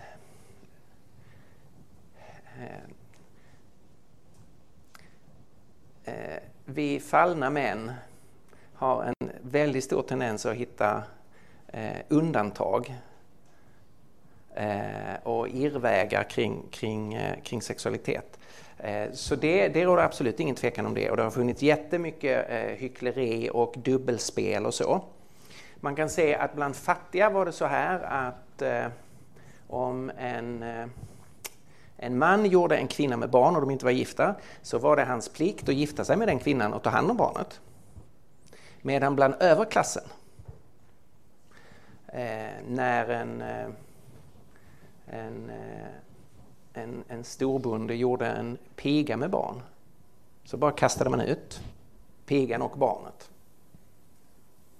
Och jag menar, sånt där är ju bara vidrigt och fullständigt i kontrast till det som var den officiella synen på, på sexualitet. Så det är jätteviktigt att säga det att det här är ingen, det är inte så att vi tittar tillbaka och här var liksom en kulturell guldålder och sen har allting degenererat där, där vi är nu. Eh, absolut inte. Det var fullt av problem också på sexualitetens område. Men själva tänkandet, det, det så att säga, officiellt sanktionerade tänkandet drog ändå mer åt, åt ett annat håll. Och den sexuella revolutionen har då sanktionerat ett helt nytt sätt att, eh, att tänka och leva. När det gäller jämförelse med Grekland, eh, och, och om vi tar antikens Grekland och antikens Rom, eh, så finns det ju ett, Eh, ett antal stora skillnader jämfört med idag. Så man kan inte säga, jag påstår absolut inte att det eh, är en, en ren parallell. Och i det citatet som jag har, det jag gav, det bygger ju på ett grekiskt hierarkiskt samhälle med, eh, med män på toppen, fria män på toppen och så hela vägen ner till slavar och som du kan använda hur som helst. Och det är liksom inte en del av vårt samhälle, vi fördömer det väldigt starkt. Men det finns, det finns andra aspekter som, där det finns likheter. Eh, om vi tar den västerländska kulturen idag, man kan ta Tyskland till exempel. Där är det ju statliga bordeller, sanktionerade bordeller eh, och det är en jättestor verksamhet som inte är helt väsensskild från eh, tempelprostitutionen i, i antikens Rom. Med den skillnaden att man officiellt inte tillber någon, någon gud på, på bordellerna i Tyskland. Man tillber sig själv kan man ju säga. Men, ehm, man kan säga att det finns andra likheter när det gäller synen på samkönade relationer och homosexualitet. Likheterna är inte, eh, inte hundraprocentiga därför att eh, man, man tillät mycket eh, utnyttjande av unga pojkar på ett sätt som, eh, som vår kultur reagerar mot. Men, eh, men på andra områden att man med självklarhet bejakade eh, homosexuella relationer, det liknade ju vår, eh, vår kultur. Eh, och det liknar, det, det, liknar varandra på, på det sättet att eh, citatet jag gav visar ju en väldigt promiskuös manlig sexualitet. Och då kan man säga att i vår kultur så har vi också en väldigt promiskuös sexualitet fast vi har vidgat det så vi bjuder in allt fler kvinnor att börja leva på det sättet också. Jag hoppade över en slide här när Svenska Dagbladet, den traditionellt sett konservativa eh, Eh, dagstidningen i Sverige, de hade en serie om sexualitet och det var ju en artikelserie var så här Polyamori för nybörjare, så här gör du. Okej. Okay. men låt oss uppfostra svenska folket i hur man, hur man börjar leva polyamoröst, alltså ha sexuella relationer med flera olika personer parallellt. Ja, en, en artikel som går igenom det. Är så här gör du bäst och här är fallgroparna och det här ska du tänka på. Kör igång! Så eh, man måste vara försiktig med analogierna. Det finns liksom vissa likheter men sen finns det också stora skillnader. Jag är helt, helt medveten om det. Vi kör en eh, fråga från eh, sms här. Eh, då lyder den Vad händer med kristna och homosexuella par som vill bilda förbund? Um, ja, eh, Eh, Eh, vad som händer, det får man ju då fråga i relation, i relation till vad? I relation till svenska staten så välkomnas man ju att, att bilda ett förbund, att ingå vad då staten kallar för ett, eh, ett, ett äktenskap. Och eh, eh, ur, eh, ur kristen synpunkt, ur, om jag talar ur klassisk kristen synpunkt, så kan man förstås eh, eh man kan ju förstås bejaka en, en mängd saker i det skeendet. Här är två personer som vill vara överlåtna åt varandra, eh, som eh, vill, eh, vill vara seriösa och lyfta upp det på äktenskapets nivå. Eh, allt sånt är ju förstås mycket bättre moraliskt än promiskuitet och tillfällighet och, eh, och så. Men samtidigt så ur, ur kristen synvinkel så kan det inte vara ett äktenskapsförbund. Därför att ur kristen synvinkel så är äktenskapet en unik relation mellan en man och en kvinna som eh, ska, re, ska reflektera det Gud gjorde i skapelsen när han skapade oss till man och kvinna, som ska reflektera eh, Kristus och församlingen, bruden, och där man inte kan göra om eh, Alltså principiellt sett är äktenskapet en eh, heterosexuell relation. Jag var ju kritisk när när eh, eh, Sverige ändrade sin lagstiftning 2009 så vi införde samkönade äktenskap därför att jag menar att också en sekulär stat bör göra en skillnad mellan heterorelationen och homorelationen eftersom eh, heterorelationen är den enda relationen som är fruktbar när det gäller en ny generation. Och ur samhällets synvinkel så är det av intresse att, att ge en unik relation, man-kvinna-relationen, att ha en unik institution för den relationen. Därför att hela samhällets framtid hänger på den här relationen, man-kvinna som kan ge oss nästa generation. Och äktenskapet ur samhällets synvinkel handlar ju väldigt mycket om att ge barnen bästa möjliga förutsättningar att få växa upp med sin mamma och sin pappa, att få höra ihop med det som är ursprunget till deras liv och därmed finns äktenskapet. Så ehm, eh, jag uppfattade ju att eh, det som vi hade i Sverige tidigare med registrerat partnerskap, det gav ju samkönade par exakt samma juridiska skydd och rättigheter som äktenskapet. Men man gjorde en skillnad mellan de två relationsformerna och det tyckte jag var legitimt eftersom det finns en faktiskt objektiv, registrerbar och väsentlig skillnad. Den ena eh, relationen eh, är fruktsam, den andra relationen är biologiskt sett steril. Eh, så att säga. Och därför tycker jag att man, det var legitimt att göra det. Ehm, så som ni, som ni hör så, eh, eh, så ur, ur kristen synvinkel så är jag, jag är inte intresserad av att juridiskt reglera hela samhället utifrån kristen sexualmoral. Jag uppfattar inte att de, de första kristna gick in och gjorde det.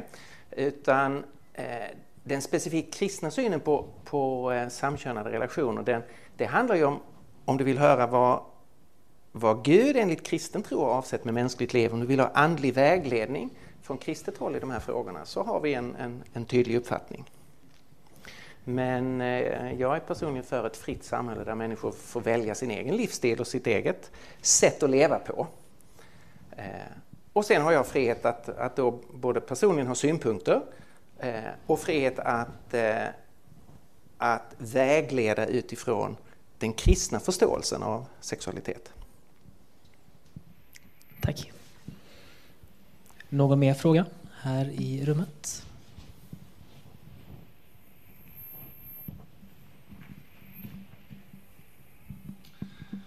Ehm, den eh, svenska eh, våldtäktslagstiftningen bygger sedan något år tillbaka på samtycke. Eh, och det här är ett uttryck för eh, samhällets syn att samtycke ska vara eh, det reglerande i en sexuell relation. Ehm, och du har varit inne på det lite grann, men eh, liksom, hur skulle du formulera kritiken att det här inte är ett tillräckligt eh, kriterium? Och det ligger ju lite här också, för du tog upp Marquis de Sade. Och en invändning mot att han skulle vara uttryck för den sexuella revolutionen, det är ju att eh, de slutsatser som han drar är mycket mer långtgående.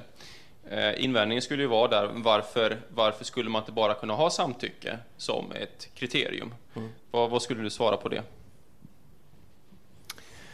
Eh, samtycke är ett alldeles utmärkt kriterium. Det, alltså, att inte ha samtycke är, är, är ju uppenbart felaktigt. Så samtycke behöver ju finnas i en, en, sexuell relation. Så frågan är om det är tillräckligt och det är ju det som vår kultur har drivit.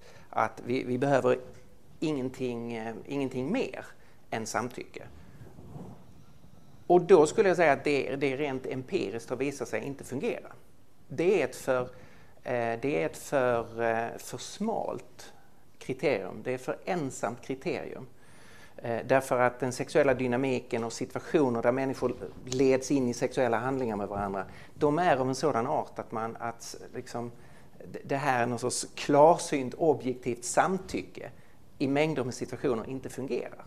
Och alltså skulle man behöva eh, föra en diskussion, hur kan vi vidga det här? Eh, och jag är inte mannen att gå in på hur det, ska, eh, hur det ska formuleras i juridisk mening, för det är en sak, vilken sorts lagstiftning har man i, i olika sammanhang, utan det handlar ju mer om hur vi som kultur, hur vi resonerar kring det här. Ehm, eh, och då jag tycker att man behöver eh, resonera kring vad, vad är meningen med sexualitet? Alltså eh, inte bara utgå från det, det, som är uppenbart, här är något spännande och något skönt och något ehm, eh, så. Utan sätta in det som är spännande och, och, och, som kan vara härligt, sätta in det i ett lite större sammanhang av vad är det att vara människa, vad är ett mänskligt liv? Var, var hör detta hemma någonstans?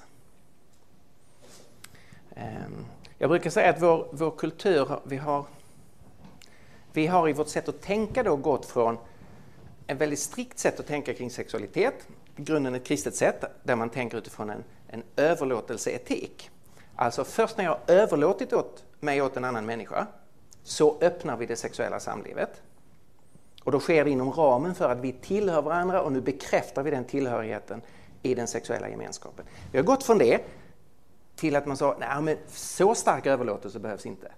Vi kan väl ha någon sorts närhetsetik.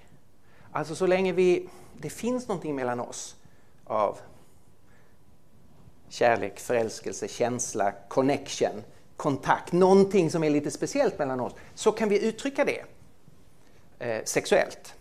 Så länge det finns. Det är lite lägre, men då säger man ändå mm, det, här, det hör ändå hemma i någon sorts sammanhang där vi hör ihop.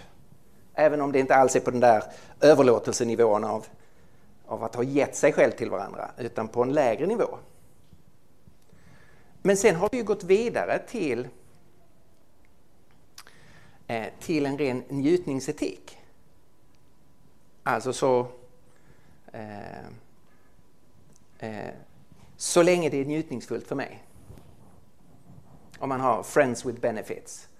Eh, om, man, om, om, ni läser statistik över gymnasister, hur många gymnasister som kryssar i att de har haft en knullkompis, så blir man ganska förvånad. Och då är det ju ett sätt att tänka kring den sexuella relationen så som man tänker kring tennis. Alltså, ska du och jag spela tennis? Ja visst, jag har en tennispartner, vi spelar tennis en gång i veckan. Så kan man ha en sexpartner. Det är inte så att man är förälskad, att man betyder något speciellt för varandra, utan man har en aktivitet som är liksom rolig medan man gör den. Men det finns inga liksom, förpliktelser utöver själva aktiviteten. Precis som det inte finns när jag spelar tennis med någon. Utan det är, okej, okay, vi spelar tennis, sen har vi ju ingenting med varandra att göra.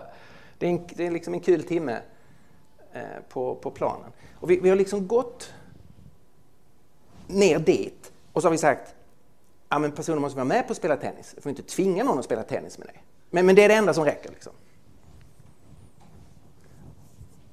Och då, då tycker erfarenheten visar att aj, det här är ett för komplicerat område för att det ska räcka. Vi måste börja gå åt det andra hållet och fundera på vad är det rätta sammanhanget för att uttrycka någonting sexuellt?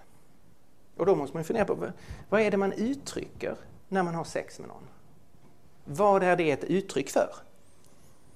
Och då tycker jag man ska komma tillbaka till det jag sa om, om vad alla egentligen vet om sex. Om man lever i en överlåten relation och den andra har sex med någon annan, då vet man vad sex uttrycker. Nämligen, alltså, ja, men det här uttrycker ju vår tillhörighet till varandra. Nu har du tagit det någon annanstans. Det är det här man måste börja fundera på. Är det inte så att vi egentligen vet att sex uttrycker tillhörighet till någon annan? Och då plötsligt har man ju liksom tagit sig från samtycke och sagt att det finns en jätteviktig aspekt till. Det måste ha någonting med tillhörighet till den andra att göra. Och kristen tro säger då, ja och den tillhörigheten den bör ju egentligen vara en riktig tillhörighet. Alltså det som äktenskapet uttrycker. Men vi måste åtminstone börja liksom gå i den riktningen från det här alldeles för smala kriteriet med samtycke.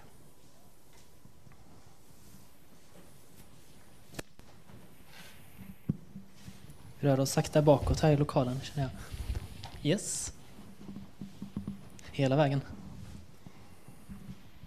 Eh, jag tänkte om, eh, Eh, om du skulle titta framåt i Sverige eh, de nästkommande åren eh, utifrån vad som du, du, tog upp lite olika exempel på tidningsartiklar och sånt. Har du någon spaning framåt vad du tror att vi är, som land är på väg? Mm. På just det här området då förstås, ja.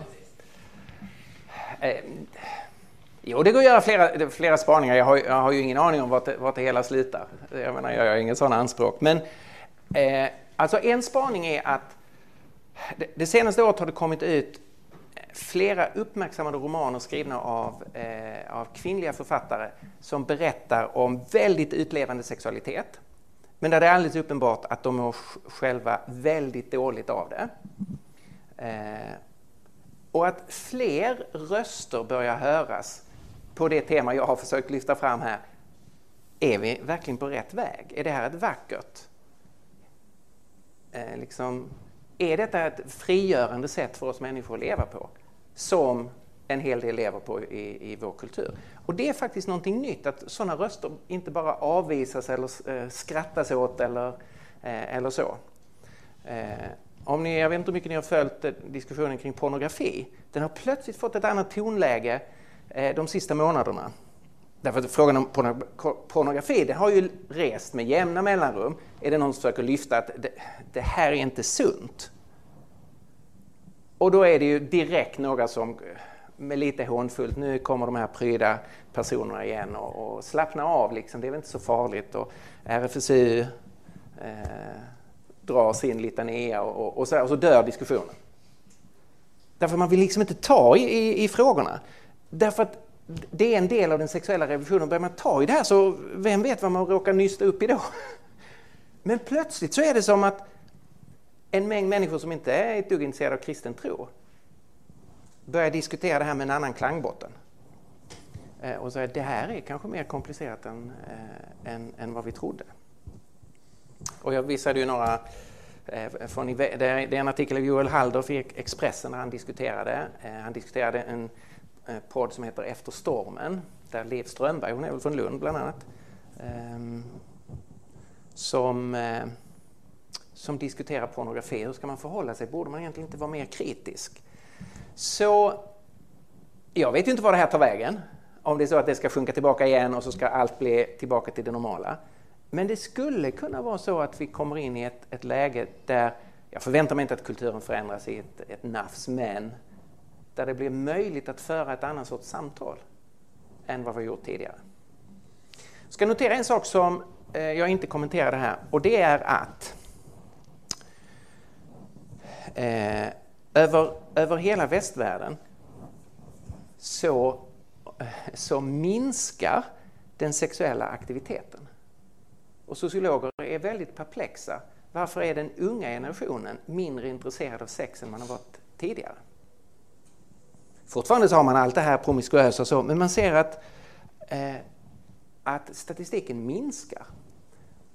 Och det kan ju finnas olika orsaker. Människor är mer stressade, man lever mycket mer digitalt så man har inte riktig sex, man har, kontakter, man har inte riktiga kontakter med människor, inte riktig sex liksom, så, utan man har sitt liv på, på nätet.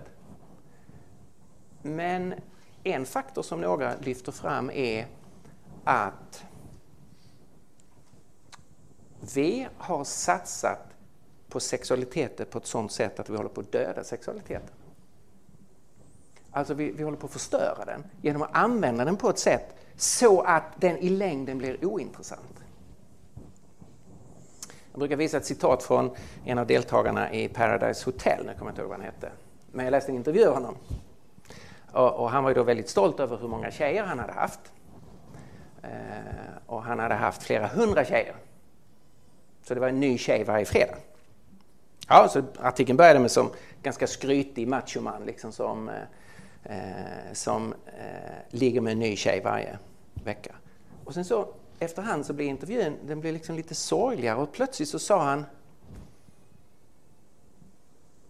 Det vore ju fantastiskt om man kunde nollställa allting och börja om och ha sex för första gången. Och det var alldeles uppenbart att det, det här att ha sex med flera hundra tjejer, liksom tjej nummer 201, vad betyder det? Ingenting. Han, han har ju förstört hela det här området som var hans stolthet. Och det, det är klart att man kan göra så på, med, med ett, ett livsområde, att man agerar på det området på ett sådant sätt att man så att säga förstör det eh, för sig själv. Och det är faktiskt några som säger att här finns en risk när man har släppt lös sexualiteten och gjort den så gränslös som vi har försökt göra. Så har man också tunnat ut och eh, förytligat. Och man har ju förstört förstås det unika, eh, magin och de djupare sakerna att det sker i en relation till en annan människa. Ja, vad händer med det här på sikt? Jag vet inte. Men det finns lite intressanta sådana såna drag som gör att det är tragiskt om kristna tystnar. Vi, vi har ju haft en tendens att inte så att säga, formulera hur tänker vi? Men det ska vi absolut inte göra nu. Eh, vi måste ju lära oss att tala om det här utan att och, eh, eh eller göra det på ett sätt som eh, att det blir relevant för andra människor att lyssna till oss. Men vi ska absolut vara med och formulera hur vi tänker kring det här området. Därför att det finns fler idag som känner det är inte säkert vi tänker rätt i kulturen. Ja, det var några av mina, mina spaningar. Jag tänkte smita emellan med en fråga. Mm. Eh, jag är en del i ungdomsgrupper och pratar och är med i konfirmationsverksamhet. Mm. Och vill gärna höra ett praktiskt perspektiv på hur man som ung bekännande kristen ska förhålla sig till de här frågorna eh, rent praktiskt. Eh, tonåren är en period där man har mycket hormoner, mycket drifter. Man är ju ännu mer omvälvd av den här kulturen att man ska experimentera sig fram och prova olika saker än, än många av oss som är äldre är. Eh, och så hör man då den här eh, undervisningen. Eh, vad gör man praktiskt som tonåring liksom, eh, om, äktes, eh, om eh, sexet hör hemma i äktenskapet? Mm. Det var ju väldigt bra om jag eh, hade lösningen på det. Eh, så det är klart att det är en jättestor utmaning. Mycket större idag än, än tidigare när en, en kristen syn hade en mängd stötter liksom, eh, sociologiskt i kulturen. Det, det upprätthölls från olika håll och man fick hjälp att tänka och förhålla sig och, och så på ett visst sätt som det inte får idag utan snarare är det så att en massa krafter drar åt ett annat håll än vad ett kristet lärjungaskap skulle dra åt. Så det här eh, gör det förstås eh, komplicerat. Och det betyder att vi måste prata om det, vi måste stötta varandra, vi måste vara en gemenskap med, med Eh, med mycket nåd, med mycket vägledning, mycket hjälp eh, i de här frågorna. Om man själv tänker på sitt liv, eh, när man fått chansen att leva lite längre, så tänker man ju, åtminstone gör jag det, att det finns en poäng att tänka lite längre om sitt liv än man spontant gör när man är 15 år eller, 17 år. Då är man ju väldigt upptagen av det som är nuet och den liksom den precis kommande tiden. Och det, det är naturligt, det är, det, det är så, eh, så man, man fungerar. Men om man har fått chans att leva lite längre så ser man ju att eh, det finns en enorm fördel att kunna tänka ett lite längre perspektiv, vad det är jag önskar att, att bygga upp. Eh, och där är en viss sak som kan kännas oerhört viktig när man är 15 år eller 17 år, när man är 25 eller 35 ser man i ett helt annat perspektiv. Eh, och eh, det löser inte alla de här frågorna, men det, det, finns en poäng faktiskt att, att vi hjälper varandra att tänka så här, vad är det vi bygger i vårt liv, vad är det vi, eh, vad är det vi försöker skapa? Och att då tänka kring, kring sexualitet. Vad är det jag skulle önska kring sexualitet? Eh, eh, hur vill jag själv se på det här?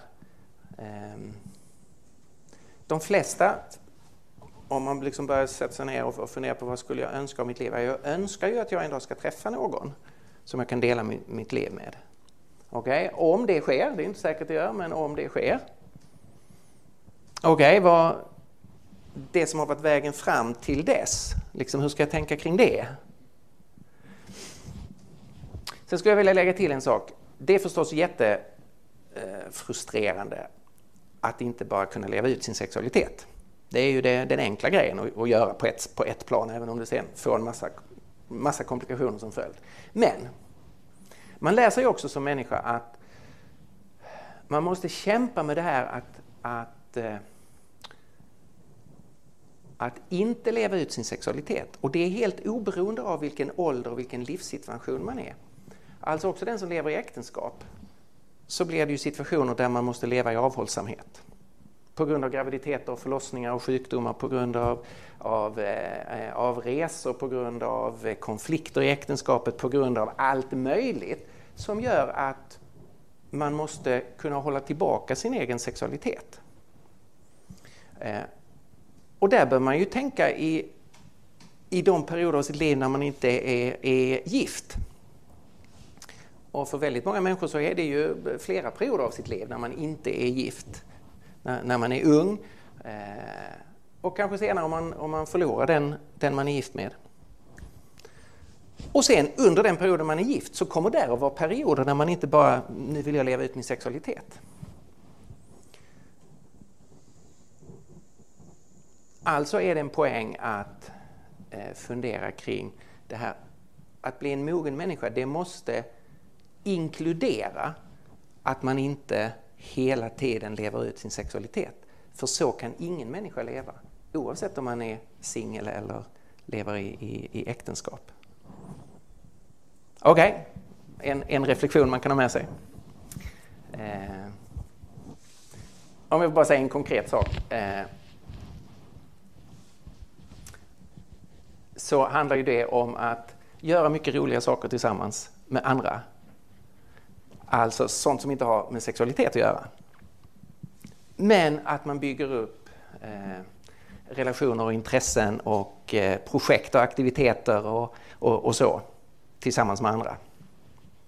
Och kanaliserar sin energi.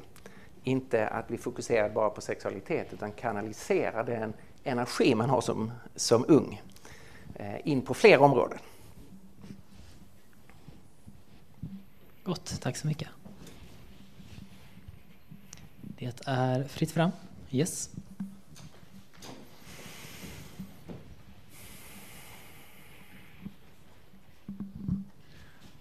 Jag vill knyta an till eh, Christians fråga. Bland annat, det blev ju uppenbart eh, i ditt svar här att, att det, det goda samhället eh, här fanns inte då innan den sexuella revolutionen kom och, och förstörde det och så, utan det är ju mycket mer komplext. Mm. Eh, och samtidigt finns det strukturer i samhälle och kultur som är, stödjande eller destruktivt för att leva ett kristet, eh, kristet liv. Eh, på din sista slide så, så stod det att de första kristna vann segern här kan man säga i kulturkriget genom att, att verka apologetiskt. Och då funderade jag på att verka apologetiskt kontra politiskt så att säga. Att, eh, att försvara eh, synen kontra att förändra samhället så att den stämmer med, med, med ens övertygelse. Skulle du vilja kommentera eh, liksom det? Hur vi som kristna ska vi verka främst apologetiskt, främst politiskt? Är det någon motsättning? Ja. Du får gärna kommentera. Mm. Eh, om, om, man tittar på den kristna rörelsen så växer den ju fram, inte genom politisk aktivitet och inte genom militär aktivitet. Det är ju väldigt viktigt och skiljer kristendomen totalt från islam till exempel som spreds genom eh, svärdet.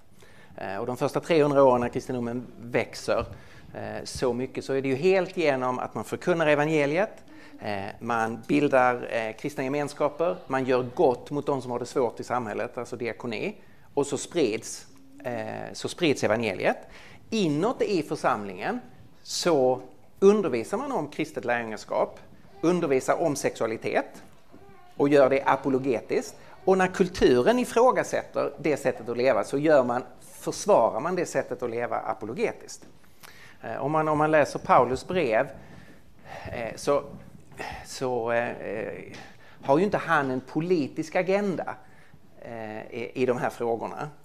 Utan han, han undervisar ju Eh, de kristna för att, att förstå eh, hur man bör, eh, hur man bör leva. Sen blir ju kristendomen, när den har vuxit så mycket, sen blir den ju också då en del av den officiella kulturen och, och genom Konstantin så får vi mer av någonting som liknar en statskyrkosystem och, och, och så, för, så förändras saker. och så kommer saker och ting mer, mer direkt in i politiken. Och där finns ju mycket saker som man inte inte är bara, som inte bara är positivt. Alltså när eh, den kristna kyrkan blandas samman så tydligt med, med makten. Så man, man får inte läsa in för mycket, tycker jag, i det som, det som sker sen av, eh, av hur kyrka och stat blandas samman på ett sätt som i många frågor inte blir bra. Eh, men det betyder inte att man inte ska engagera sig politiskt. Eh, eh, självklart tycker jag att det viktigaste vi som kristna kan göra det är att vi ska förkunna evangeliet, vi bygger kristna gemenskaper, vi gör gott mot andra människor och vi står för ett tydligt alternativ. Så här tänker vi. Och sen behöver vi kristna som engagerar sig politiskt för att och försöka tillföra saker i hur samhället utvecklas. Men då är vi ju inte i ett läge att försöka eh, eh, få in en kristen moraluppfattning i alla frågor i lagstiftning till exempel. Utan jag tycker det är självklart att kristna accepterar att kulturen är pluralistisk. Vi är många olika sorters människor som lever sida vid sida, lever tillsammans här. Och då behöver vi hitta vissa grundläggande spelregler som är, står för rättfärdighet och rätt och, eh, och sanning. Eh, och så. Men vi kan inte lagstifta in i, in i olika detaljer kring kristen sexualsyn. Eh, till exempel. Utan där får man ha lite, eh, lite mer begränsad uppfattning om vad som är rimligt att, att driva. Så eh, för min sida så tyckte jag, tycker jag att det var rätt när Sverige avkriminaliserade samkönade relationer 1944. Fram till 1944 så var det ju kriminellt att ha samkönade relationer. Och så avkriminaliserades det. Jag tycker det var Eh, det var eh, riktigt. Alltså att människor har frihet att leva som de själva vill så länge man inte eh, skadar andra människor och så. Men däremot så tycker jag inte beslutet att införa samkönat äktenskap var riktigt. av de skälen som jag redogjorde för tidigare. Att jag tycker att staten ska, eh, ska vara ärlig om vad man-kvinna-relationen är för någonting i relation till vad den samkönade relationen är för någonting. Det är två olika sorters relation och därför ska man inte ha en gemensam beteckning för det. Därför att det är inte gemensamt. Så då behöver man helt enkelt, då blir slutpunkten här, att man behöver helt enkelt försöka definiera i, i vilka frågor ska vi tänka eh, vi behöver ett, ett vidare regelverk för att skapa ett gott samhälle och i vilka frågor vill vi försöka driva en mer specifikt att få genomslag för eh, den specifikt kristna uppfattningen.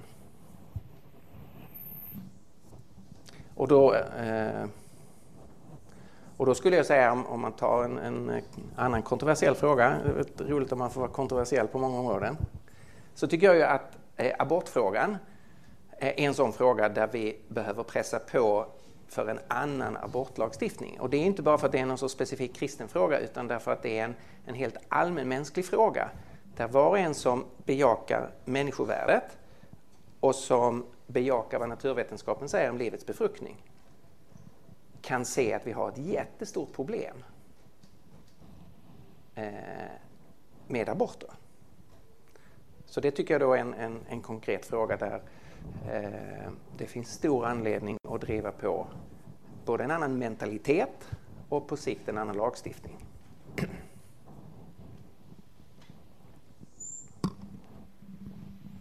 Eh, Johan, det är du som får håll på eh, tiden och eh, sånt. Eh, jag kommer köra vidare så länge. Eh, har vi någon mer fråga, kanske? Jag har en till på sms, vet jag.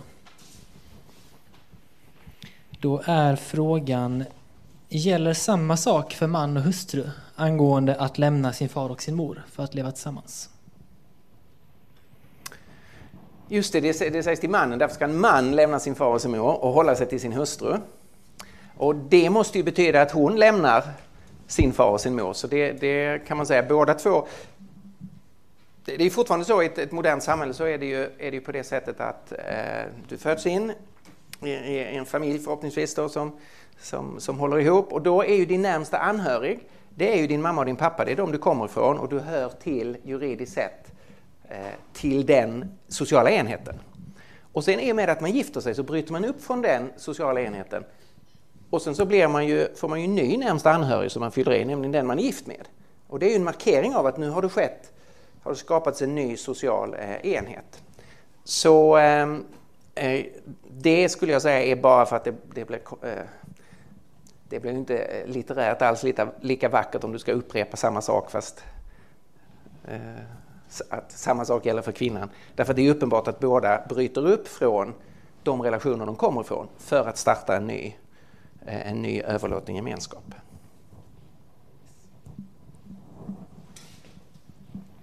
Fort på vägen till Johan. Ingen som har en sista? Då kan jag... Ja, men precis Stefan, du okay. kan avsluta. Eh, jag kan egentligen bara först säga att yeah, sure. vi, vi, kan... Eh, vi tackar dig så mycket Stefan för det här föredraget. Det har varit jätteintressant. Och vi kan väl avsluta med att ja, ge en applåd till Stefan för det här.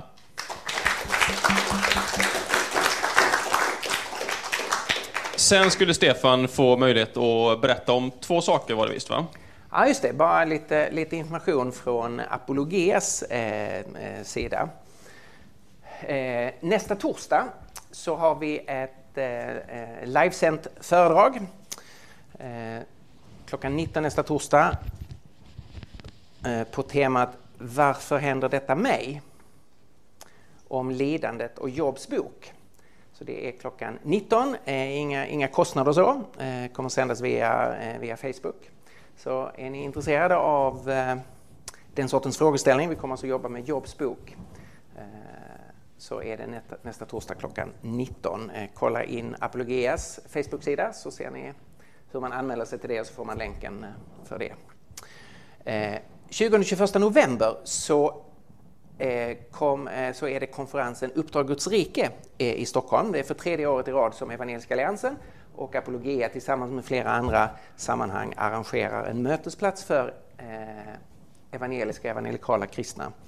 Eh, där vi samlas runt ett, eh, i ett antal nätverk där det apologetiska nätverket är det, det till antalet största. Men där är andra, andra nätverk också.